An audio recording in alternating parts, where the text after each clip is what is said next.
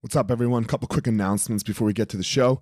First of all, I have released my first online course. It is on my website, uh, elliottmarshall.com, how to be the champion of your life. So, some of the things that I do and that I have found helpful and useful in my life, not just how I start my day, but how I go through my day.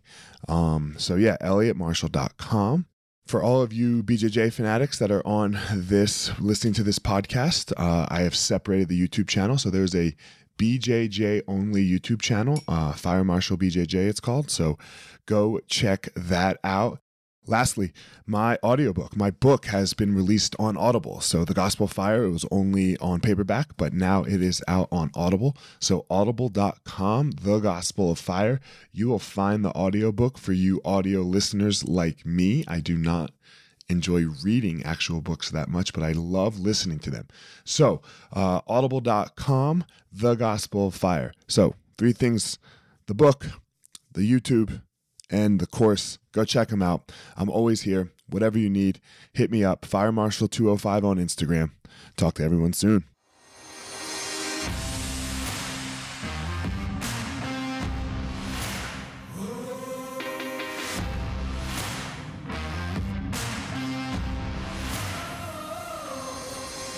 What's up, my ninjas? This is former UFC fighter Elliot Marshall, and this is the Gospel of Fire, where we are going to learn how to go into the fire so that we can find our power and live the best life possible.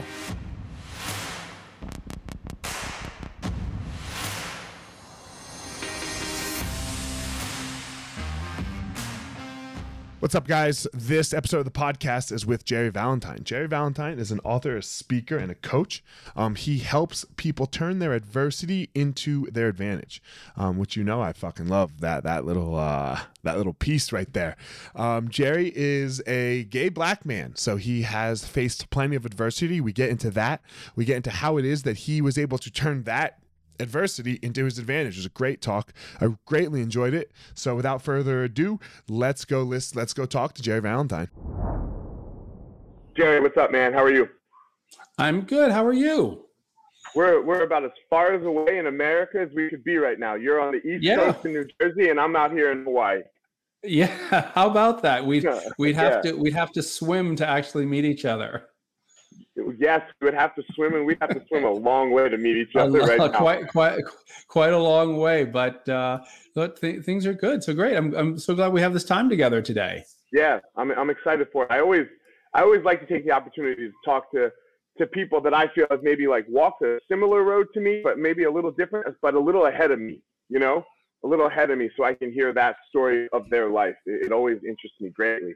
And we also have this Colorado connection we were just talking about, where you lived up in North Boulder. We did, we do, we do. There were five really, really interesting years. I, Elliot, I, I am a native New Yorker, as as we, um, you know, we'll probably get into a little bit. Um, mm-hmm. I believe you're from the East Coast as well, um, and so I did do a stint out out in Colorado. It was really great, transformative, but you know, here's the New Yorker thing. You you you can you can take the you can take the guy out, guy out of New York. You cannot take New York out of the guy. So my husband and I just ended up missing it too much, and so here we are, but with great memories of our time in Boulder. Yeah. Uh, so I was the other way. I mean, so I was South Jersey, and you're from the city you know and i guess i'm from the city i'm from brook i'm from brooklyn of the 1970s which yeah. is very different from from brooklyn of today. And it actually frankly that goes a lot into what i feel has has made me who i am today. All right well then let's get into it. What has made you into who you are today? Like that so let's go back to brooklyn of the 1970s talk to me Sure. You know, I end up talking about this a lot. So, yeah, I do, you know, I do a lot of public speaking. I run my own mm-hmm. executive coaching practice. And so people will, will meet me through my bio. And, um, you know, I, I have 27 years in the Fortune 100 world, you know, companies like American Express and Pfizer, you know, multiple leadership roles there. You know, I have an MBA and, you know, an undergrad in electrical and computer engineering of all things from Cornell. And so, the, you know, people hear this, this, pedig- this pedigree with, you know, fancy companies, lots of fancy degrees, which is wonderful. I'm very grateful to have that background, but I always feel like it doesn't speak to an important part of who I am, which is how I started out, which was as the son of a single mother growing up in a very low income neighborhood in the Brooklyn, New York of the 1970s. Um, okay. You know, it was it was a time when there was a, you know a tremendous amount of struggle. Brooklyn back then was a very different place uh, than it is now. It it was a section of New York that now has a fancy name, but back in the 1970s, it was nothing but the wrong side of the tracks. You know, it, in our home, you know, my mother was probably the hardest working person I've ever known. 16, you know, 18 hour days were just the norm for her. Um, but despite working that hard, often she had to, you know, make a choice between putting food on the table or paying utility bills. And there were a lot of times when you're living in a place like New York, we did without things like heater or electricity simply because there was not the money to, to pay for the bills. And I, I, I have always, the, the thing that I am interested in, I, I would say is, you know, my life's work at this point in my career is helping people learn how to thrive through a through disruptive times. In fact i have just launched a book called the thriving mindset um, tools for empowerment in a disruptive world. And as you know luck would have it i'm launching that in the midst of a global global pandemic. I mean who knew? Um, but the, yeah, but you said you said you work for Pfizer, and, and they're they're a devil company that spreads terrible disease. well, I, I actually do not believe that that is true. Uh, neither do I. That's why we're laughing. but but it's yeah, but you know it it it it's um it, you know it's very interesting to have been you know in that corporate world and to you know see the truth, which you know is you know no company is perfect. I th- I think there are a lot of issues that as a society we need to to solve.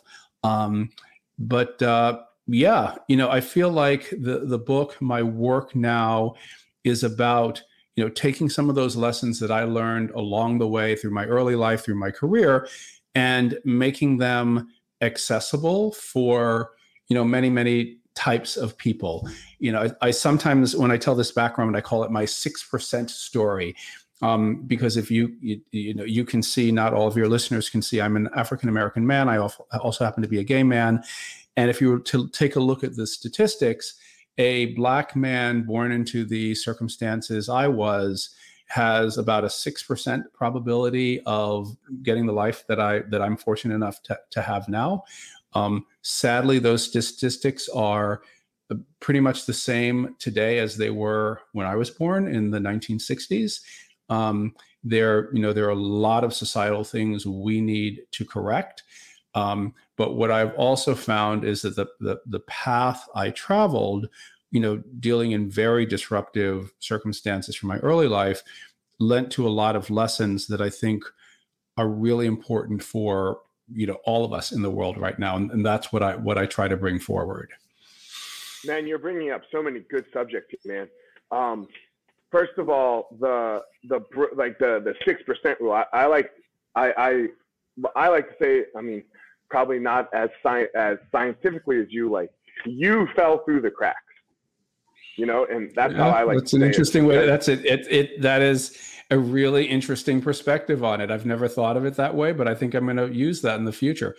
In I, I well, fell through the every, cracks. I was lucky enough to fall through some some cracks um, and you know frankly you know many this is i tell people all the time many young people coming up today don't very sadly young people coming from the neighborhood i came from or similar neighborhoods don't have access to some of the the opportunities i had access to. So the, those cracks that i either fell through or managed to sneak through sadly have been more so sealed shut. Um, so it it you know it, I I it it it I, am interested in doing things that can help more people, you know, make it through those cracks, and hopefully we'll also make those cracks wider so that far more people have access to opportunity going forward. I really love this word you're saying, opportunity, because so often I think, you know, when you hear uh, let's say the people that would like to keep the opportunity closed, they like to say that we're trying to level out the outcomes of things. You know, and, yeah. and I, I, I have very little interest in leveling out outcomes, um, or even uh, like, well, I do have interest in leveling out outcomes only through opportunity. right? I, right. I, I don't think that either you right. or I are saying like, "Yo, let's give this drug dealer this, you know, this CEO job." No, we're yeah. trying to get well, people I mean, to stop you know, those, drug dealers. Right. Those those arguments, like I don't even engage in those conversations because they're so fatally flawed from the very beginning. You know, it so here's the, you know, if you think about it logically, if you level opportunity, then outcome will level. Unless you're willing to say that a certain group of people are fundamentally less capable that's it. So if that's where you are, then you know there's nothing for us to talk about. But if you level opportunity, outcomes will automatically level unless your argument is that certain people are fundamentally not capable. That's a different conversation. And look, for example, those arguments are true. Professional sports. Everyone mm-hmm. has the opportunity and most of us are fundamentally not capable. Me, you, I can't be LeBron James. I don't have the physical attributes of being LeBron James, and that's okay. But that has nothing to do with, let's say, color of your skin, uh, or gender, or uh, well, females won't play in the NBA, but uh, they have the WNBA. But you know, so there are things that do layers that you have to achieve, but it doesn't have to do with the human that you are necessarily or the right the, so i think yeah and i think we're you know in our society a long way from being able to say that you know outcome that opportunity is open for everyone like when we get to that level then we can have different conversations but we are mm-hmm. we are a long way from being able to say that opportunity is level that opportunity has been you know democratized in any way um, so yeah, I, I, but, and you know, one of the things that I think that we miss um, is that th- there's tremendous value for everyone when you level out opportunity. Um, because then what happens is when you level out opportunity, outcomes will level. There, there's no question about that. Um, because we're not talking about um, something as specific as um, becoming an elite athlete. We're talking about opportunity for you know economic prosperity. Um, so that you know that that doesn't require the the genetics that a that a very specific elite um, athletic pursuit requires. Um, but when we start to level opportunity and we start to bring in people who are from very different backgrounds, then what you get to to do is leverage the gifts that everybody brings to the table and that a much broader segment of society brings to the table and i think that that that's really um, you know where we as a society can can can excel far more than we have in the past where do you think okay so i have my opinion of why you think this doesn't happen um, where do you think this comes from? Where where does this like not wanting to level out the opportunity? Uh, why? Like what, what what's everyone well, so scared? I mean, so you know, it's it's so interesting. I was on an interview not long ago where we were talking about you know the you know COVID and the you know really concerning economic outcome that we're we we will see from COVID. We're going to, you know, the the economic injury from the what, what has happened in our economy is going to be extreme, and I'm I'm actually quite concerned about what some people, a fair amount of the population's um, economic prospects are going to look like in the coming years. However, if we look at it from a macro level, we don't have a resource problem, we have a distribution problem. So, as a species, we are plenty productive enough such that certainly everyone in, in this country should have a safe, comfortable home, should have enough food, should have health care, should have a decent wage, should have access to education for themselves and their children. I mean, we have plenty of resources for that to happen. Um, the issue is that we have not distributed those resources in a way such that more people have access to opportunity. And I think that, you know, hoarding behavior is you know very human, very natural. And what we see is a dynamic of you know certain people hoarding resources, insisting that you know the resources should not be distributed more equitably.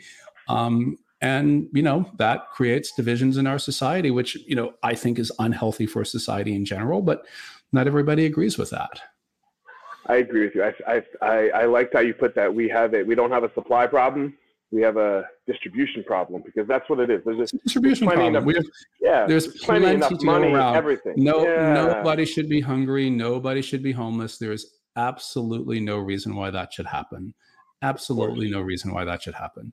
We have a distribution problem. We have made certain decisions about how we dis- how we distribute resources, such that we end up with an amazing, you know, um, bubble at the top and not much at the bottom and the the the inequality and the resource distribution gets worse not better. And it, it has. It's it's gone this way for decades right? This that is true. uh, this is not a new problem.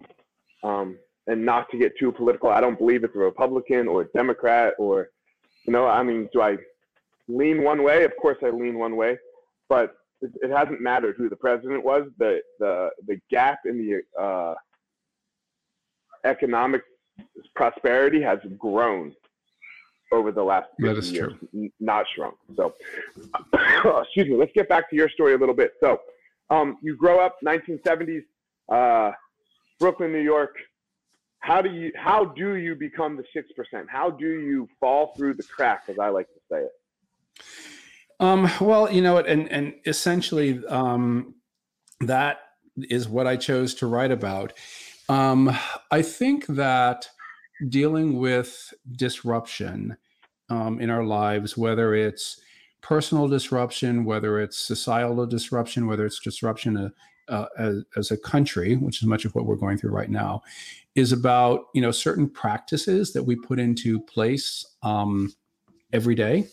Um, w- one of the things that I talk about very on in my very early on, in my book is something I call the adversity fear paralysis cycle.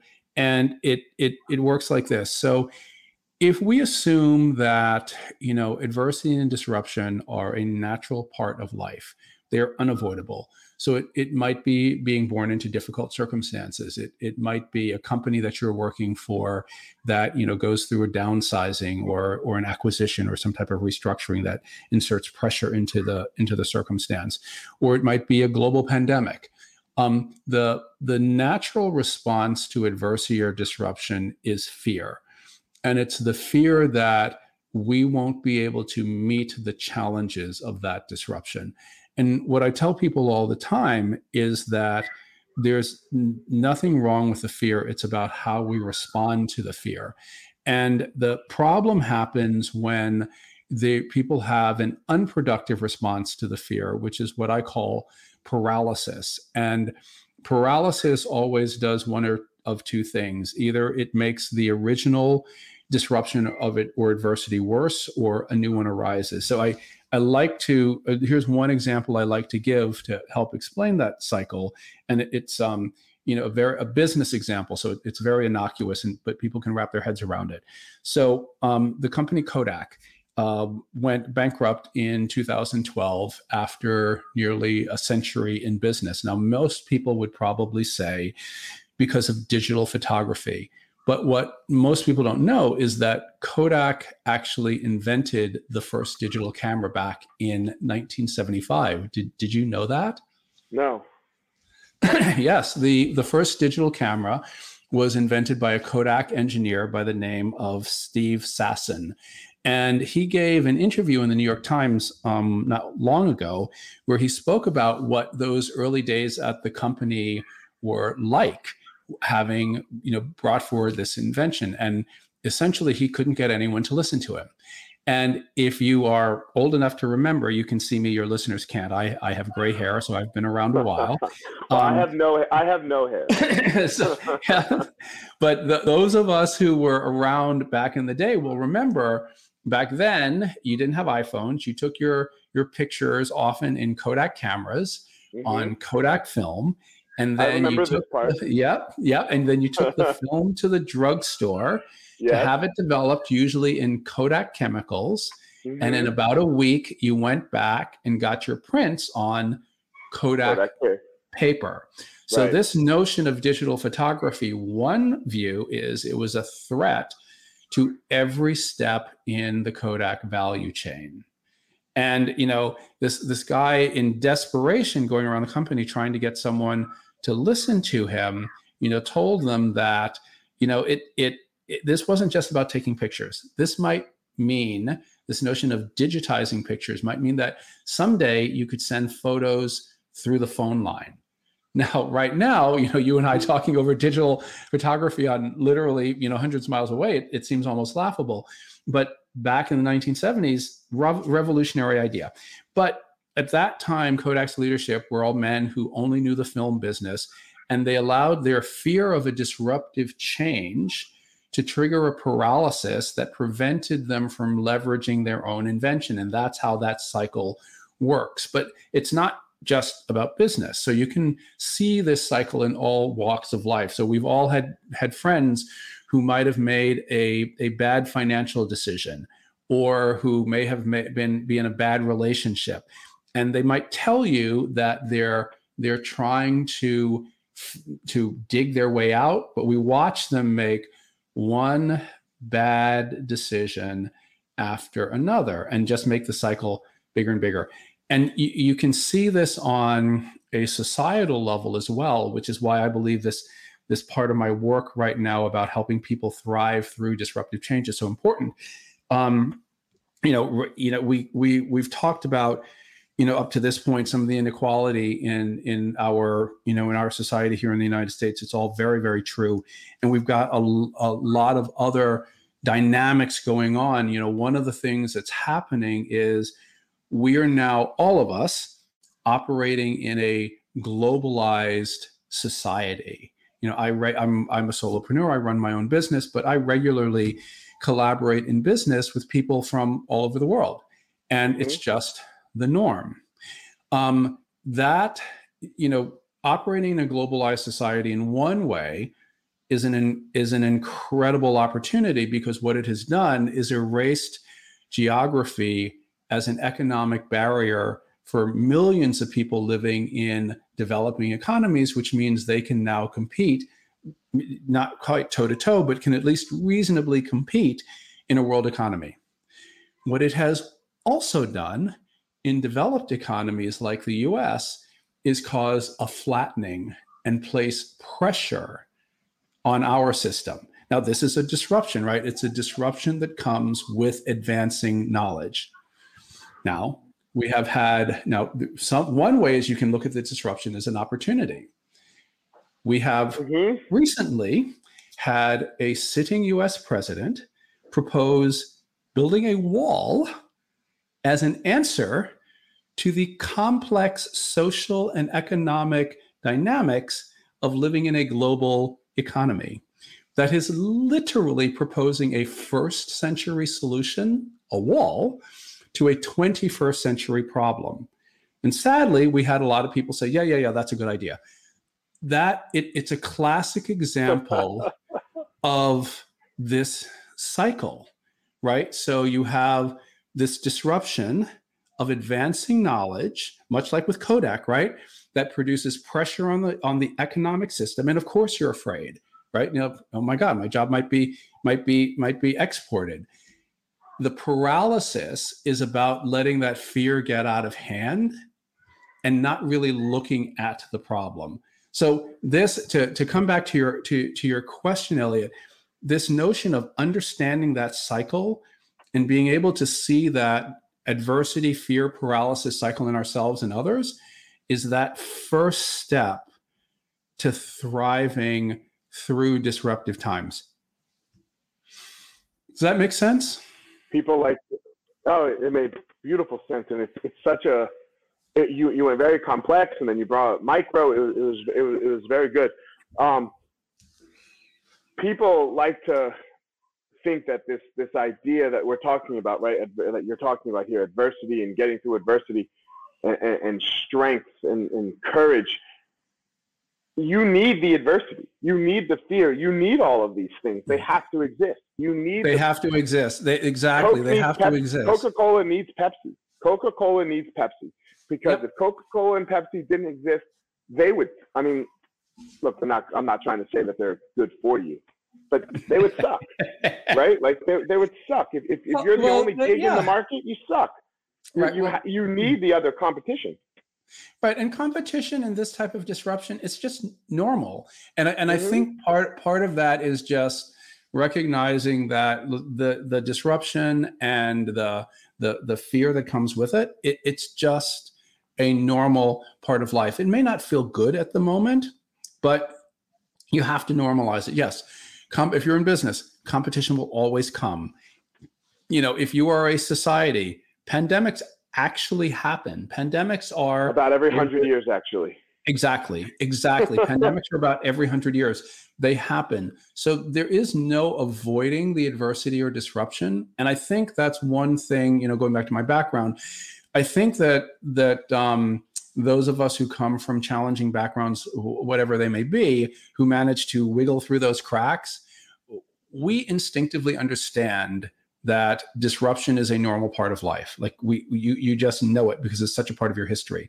And I think that's one of the reasons why more diverse leadership teams at companies are more effective. There's a lot. There's lots of research suggesting that more diverse leadership teams um, lead to more innovative cultures, and I think that that's one of the reasons because when you have more diverse leadership teams at the top, you do have people like me in the room who just naturally know that things are not going to stay great that, disruption is coming not that we're the only people who know that but you know we know it at a, at a really granular level and you know i feel like you, you mentioned a, a point there courage which i think is really important because they, like this loop that I've I've I've outlined. You know, people always say to me, "So then, how do you how do you break this cycle?" And what I tell them is like that point of fear, like that point when you're feeling, feeling the fear, the, the key you need to understand is that there is nothing wrong with being afraid. It's what you do when you're afraid that matters, and that you can learn to think of this fear that naturally comes with disruption as a kind of springboard out of that adversity and into opportunity because the the flip side of this cycle that I'm outlining is that I believe that disruption and adversity also always bring opportunity. And the one of the things that I, I sometimes when I do talks, a, a, provocative question I will ask is, why does adversity cause some people to break and other people to break records?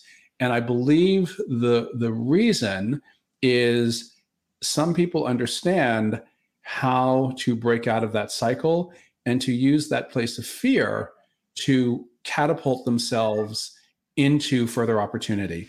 And, and what I've learned in my journey is that I think those skills are, are just that they're skills. It's not something that's a trait, it's a learnable skill. They're practices we can put into place day in and day out that allow us at those times of disruption and adversity to find the opportunity that's that's also always accompanies it some people like to say you're born with it, and, look, maybe some people are that that that maybe maybe they are born with it that that ability more so than others, but it's also developed. It, it, it's yeah, not. I'd say it's totally trainable. It's, totally trainable. Yeah, totally, totally trainable. trainable totally trainable.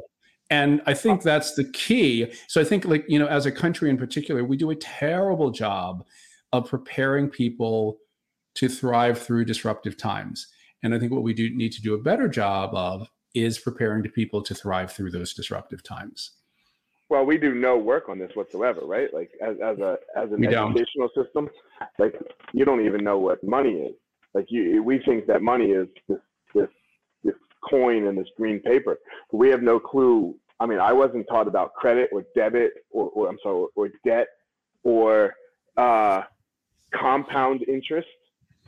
Mm-hmm. you know, like I have I have a student right now who he's been with us since he was five years old. I teach him, you know, he's one of my jujitsu students.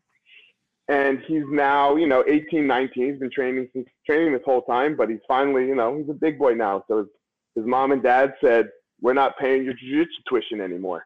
You know, so he worked for me for a while in trade for his tuition. And then like, you know, he got a better opportunity, which is amazing. And I was like, well, bro, you still got to do something, you know? And mm-hmm. he was like, okay, what do you, what do you think? And I said to him, I was like, look, I don't want your money. You're a 19 year old Mexican kid who's broke and I want to help you. And the way I'm going to help you is you, we're going to take your tuition and we're going to put it in a very basic Vanguard mutual fund where it's just going to sit there. And every month you owe that fund tuition.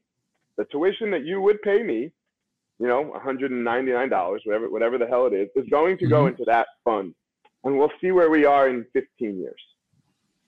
That's fan- that's fantastic, Elliot. I mean, that, that is such a wonderful gift to give a young person, and you're you're actually going into um, two things that because so in my book I talk about like eleven. I call it the the ability to make these leaps. I call the thriving mindset, and I speak about it as eleven dimensions of developing okay. a thriving mindset. And I believe those dimensions are each teachable skills. What you have just um, touched on are two of those dimensions. So let me tease them out a little bit for you. Yeah, go. So, so this this this thing that you have done with this student, which is a wonderful thing to do from for a, for a young person, particularly a young person who's coming from limited means, is you're helping him develop something that I call financial health. Now, financial health is very, very different from this notion of being rich or winning the lottery. Um, all kinds of things like that. Um, financial health is about developing a healthy relationship with money and a healthy understanding of wealth.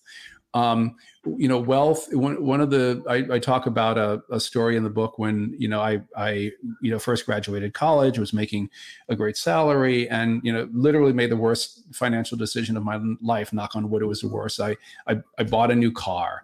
Um, and I, you know, I bought the car right out of college with very little money down, super high interest.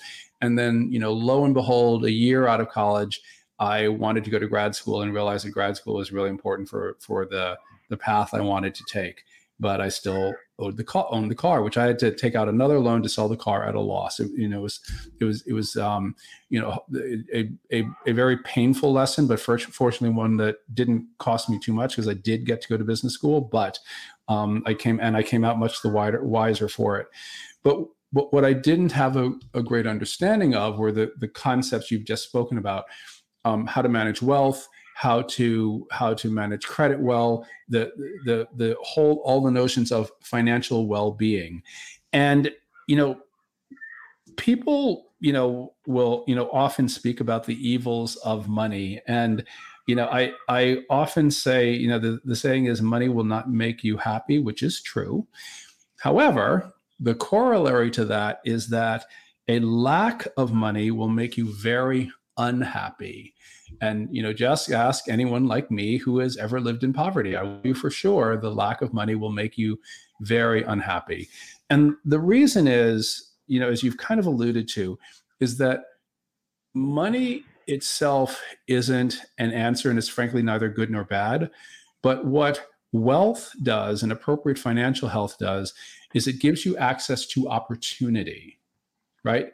So, what you're helping this young man develop is a certain floor level of wealth such that when he's faced with disruptive circumstances in his life, he will have more options for decisions. So when you know uh, there is a, a, really terrifying statistic that, um, and this is pre-COVID, that 40% of the U.S. population could not afford a $400 unexpected expense, and that's because the the the average American is actually in very poor financial health, and when that happens, and something you know you encounter something you have far few op- fewer options in front of you.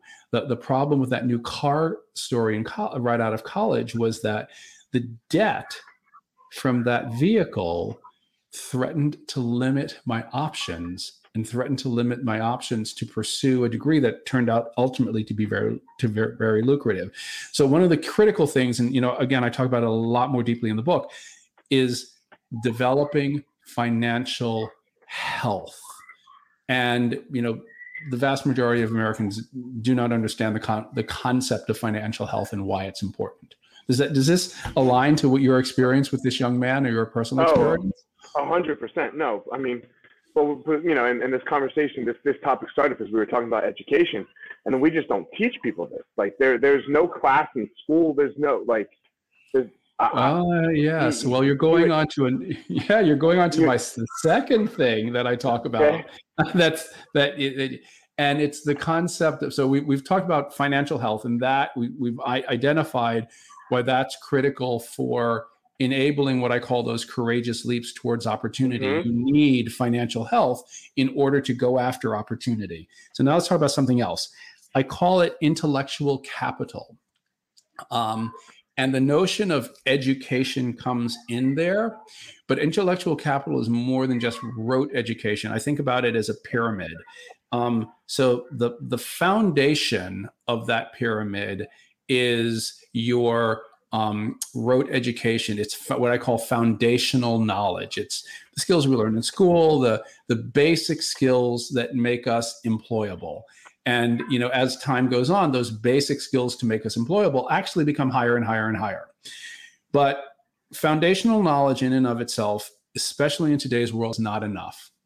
You need to then layer on top of foundational knowledge a concept that uh, that is called critical thinking, which is the ability to use your foundational knowledge in new and unanticipated situations. So we had um, when I went to engineering school like we had this joke that if you saw a particular problem on an exam, I'm sorry, on homework, you could eh, rest assured that you would not see the same problem on the exam because they would always test you on the application of that knowledge in a completely unfamiliar setup because the concept was to build your critical thinking.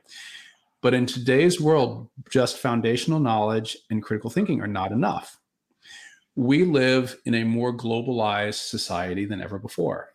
So, in order to be productive, I now need to to um, to interact with a much broader variety of people from a much broader variety of cultures than ever before. You know, whether you want to build a wall or not, you're still going to need to, to operate effectively in a globalized community, and that takes social intelligence. So now we've got foundational knowledge, critical thinking, social intelligence, but the top layer of the pyramid is something I call self education skills. So we live in a world where that foundational knowledge advances incredibly rapidly. You know, there are certain statistics that, you know, a, a college freshman studying a technical discipline, by the time she or he graduates, 50% of what they learn will be obsolete. Now, I don't know if it's exactly 50%, but it, it's going to be a significant amount. In order to remain productive in today's world, we have to have the ability to constantly upgrade our knowledge level, to constantly educate ourselves. So, education is not something that happens anymore in the first 18 or 25 years of life. It's a lifelong process. And when you have the intellectual capital, that is the combination of these four things foundational thinking, critical I'm sorry, foundational knowledge, critical thinking, social intelligence, and then self education. That's what also puts you in a position to thrive in this disruptive, ever changing world. I think we're missing all four of them personally. Uh, maybe oh, no, the the education. No, no, no. The, the educational okay. system. It's okay. We we we don't have all day. I could spend yeah. all day talking about the problems in the educational system, and and I'm not an expert on it. I have dear friends right. who actually are deep experts in that, and you know to hear them talk is is it, it it's it's quite depressing because we are so far away. But what I do think we can each of us do for ourselves and those of those people listening who might be parents can do is to invest in cultivating that intellectual capital pyramid. Foundational knowledge very important. We have all kinds of problems with access to education from a financial standpoint but that is a that is a different problem. Access I don't, is a I don't even know the question value so yeah yeah, yeah. yeah, yeah. It's it's a different it, it's a different question. You you you think that education is expensive? Try not having one. Right. As we come as we wrap it up here, I, I have three questions left. Um, I would be remiss to not ask you this question. Um, just as a, uh, you are both African American and gay. Um, yes. So uh, you have two of the major handicaps playing against you. Um, yes. Uh, I'm a believer, and we've already talked about this whole opportunity thing. I'm a believer in one, but you've made it out as well. Uh, making it so that other people have this opportunity. And what is what does it sound like for you? Because I know what it sounds like for me, right? Because I I can't say I slipped through the cracks as as as you did because I had great parents and, and a middle class family. Um, but I don't believe that finding the Gerry Valentines of today and telling them that it is not fair and and, and this rhetoric of oh you know it's not fair and this is why you're being held back. I don't believe that works. I, I believe we have to find the Gerry Valentines of today and be like, look, sure, of course it's not fair. But the question becomes, what the fuck are you going to do about that for yourself?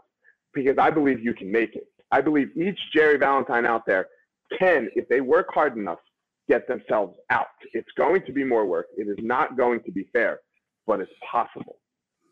So I think two things. Um, you know this it, it's a complex point i th- i think that acknowledging very loudly the unfairness of the system is critical because if you do not do that the system will not change. One of the one of the challenges I, I run into all the time so you know i will get groups that want me to stand up in front of them and tell them my story and you know big applause because you know what I, I am they want to position me as proof positive that you know if you work hard enough you can you can pull yourself up by your bootstraps and look at all the great things i got from the hardship i went through um, I, I think that's a fundamental misreading of my story it is absolutely true that i got a lot of great things out of the road i had to travel and i worked really really hard to get them but the price I paid for my strengths was much too high. It was much too high. And most and, people won't make it out. And most people won't make it out. And think about and and the other thing is it's not just that I worked hard. I mean, I'm I, I am reasonably smart and I worked really, really hard. I was also incredibly lucky. Incredibly lucky. And you it would be a disservice to all of the people who who paid for that incredible good fortune that I got, for me not to acknowledge how incredibly lucky I am and the fact that I am my success is coming by standing on the shoulders of people who made incredible sacrifices for me. Um, and you know, they were people who stood up to all kinds of police brutality, both gay people and black people. They were people who, you know, were not armed. They were people who, who, you know, really put their bodies on the line for freedom and are my freedom and are not, are, are never acknowledged for it. So I think we have to be really clear about those things. It should not take heroic effort to succeed because of the circumstances of your birth. At the same time, we also have to teach everyone the skills to thrive through disruption. So it, it's a Elliot, it's a complex and nuanced point. You, but but I think this. Com- you, you, probably realize I actually like complexity. I tend to, mm-hmm, to gravitate mm-hmm. to complex ideas. Surprise, surprise. But in this case, you know, it it the complexity is important people like the the simple rags to riches story. The, and it's a beautiful story. The problem is it's not true. the, the, I, the, I agree. You have to be incredibly lucky, and you shouldn't have to be. So I think what we do is, yeah, we need to be shouting about the injustice in our system. And at the same time, we need to give the kids who are born into bad circumstances, no matter who they are and what they should be, the support they need to excel. And part of that is teaching them how the the skills that are necessary to excel but that does not mean turning a blind eye to the injustice because the injustice is you know just ridiculously high at this point in time.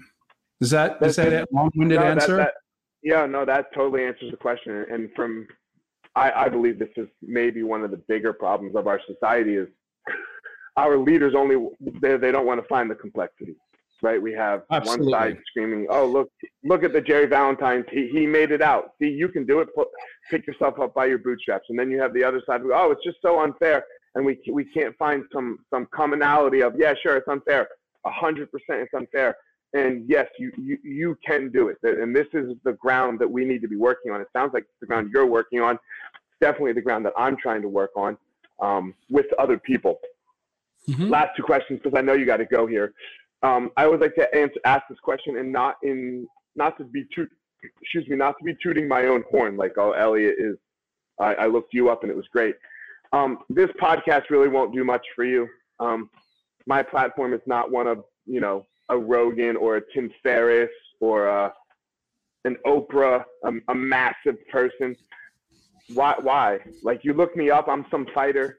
You know, I, I show up on the podcast. I'm in a fucking tank top that says Cassius Clay on it. I'm not super professional. Uh, why say yes? You know what? I like to have conversations. I like to have deep conversations. Um, I I think that you know through you know part of how you we spoke about intellectual capital earlier.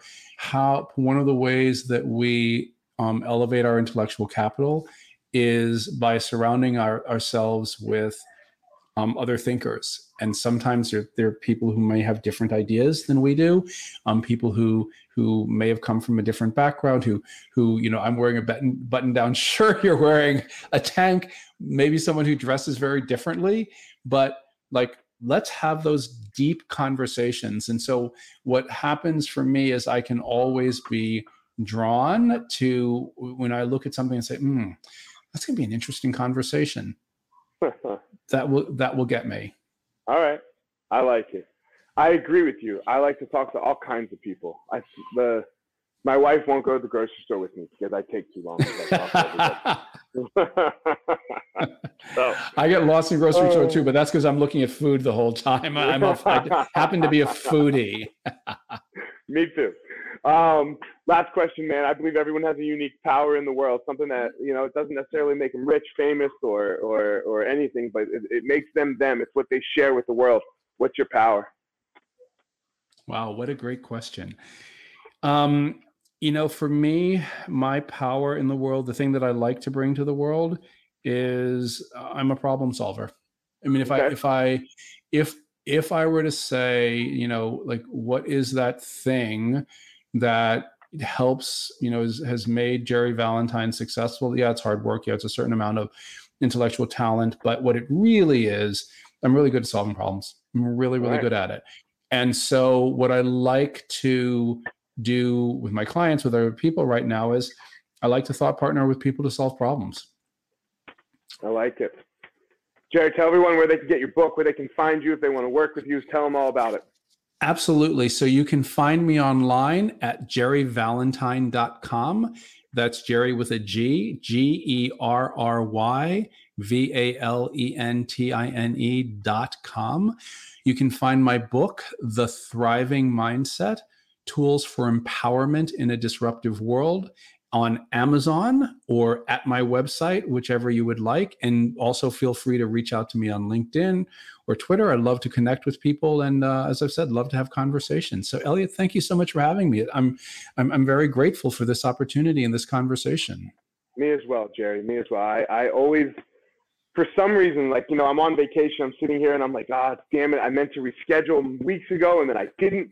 And then I was like, all right, I'm fucking doing it. Let's go and it's these ones that always catch me, and I'm like, God damn, am I glad I didn't reschedule. So, well, you thank know, you, Elliot. I'm I'm grateful that you didn't either. Yeah, yeah. Thank so, you. Well, but enjoy Maui. I'm jealous too. Yeah. So I have to admit, thank you. It's been great meeting you. Thank you so much. Thank you, Gerry. Guys, as always, Gerry has his unique power in the world, and I have my unique power in the world.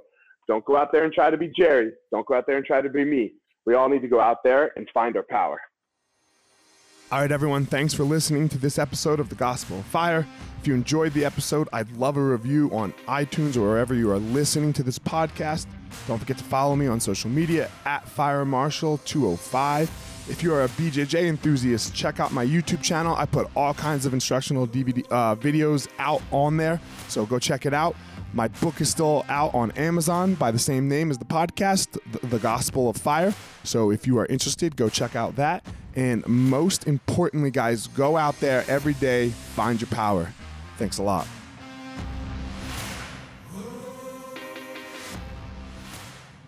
Guys, look, I get it. I totally get it. You opened a martial arts school, and man, it's kind of crushing you. There's all this other stuff to do other than teach, right? You love teaching. You love jujitsu. You love Muay Thai. You love karate. Whatever it is you're you're teaching. And man, but there's all this other stuff. There's there's the front desk. There's there's taxes. There's curriculum. There's cleaning. There's there's problems, staffing, covering. Whew, man, it's so much. It's so much. Well, let me tell you, uh, we have started what's called Easton Online, and Easton Online is here to solve all of these problems for you. Easton Online is a digital academy for martial arts school owners and managers. Will help you establish or enhance your business with best practices. Most importantly, we're going to help you get back to what it is that you love most teaching and doing martial arts. Okay, so for more information, guys, go to easton.online. Again, that's easton.online. Add your email. You're going to get notified about the course launches. Our first course is going to be all about the first impression specialists, your front desk, and all kinds of stuff, special offers, promotions, as well as we started a podcast by the same name, Easton Online, that's going to talk about our process of how how we went from a tiny little martial arts school to what is now seven martial arts schools, seven Brazilian Jiu Jitsu Muay Thai schools, um, in a very holistic way that we believe um, kept the integrity of the art and also deals with its people very well. So again, Easton.online, enter your email and you're gonna get all you're gonna get everything you need right there. So thanks, guys.